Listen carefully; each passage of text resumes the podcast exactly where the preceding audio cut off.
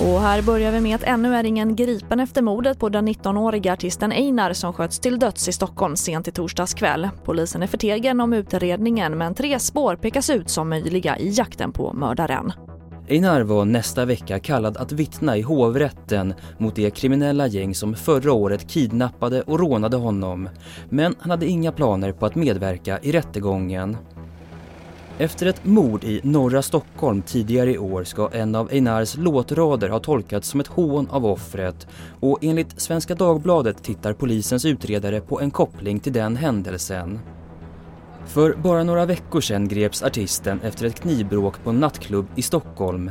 Enligt uppgifter till Dagens Nyheter är den konflikten ett annat motiv polisen utreder. Och reporter här var Axel L. Lung.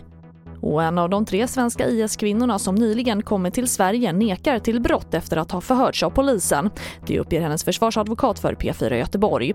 De tre kvinnorna och åtta barn kom till Sverige efter att ha suttit fängslade av kurdiska självstyret i norra Syrien. Kvinnorna sitter anhållna misstänkta för krigsförbrytelse. Och pengarna tillbaka från staten det får drygt en miljon spanjorer som förra året fick böter för att ha brutit mot utegångsförbud och andra restriktioner.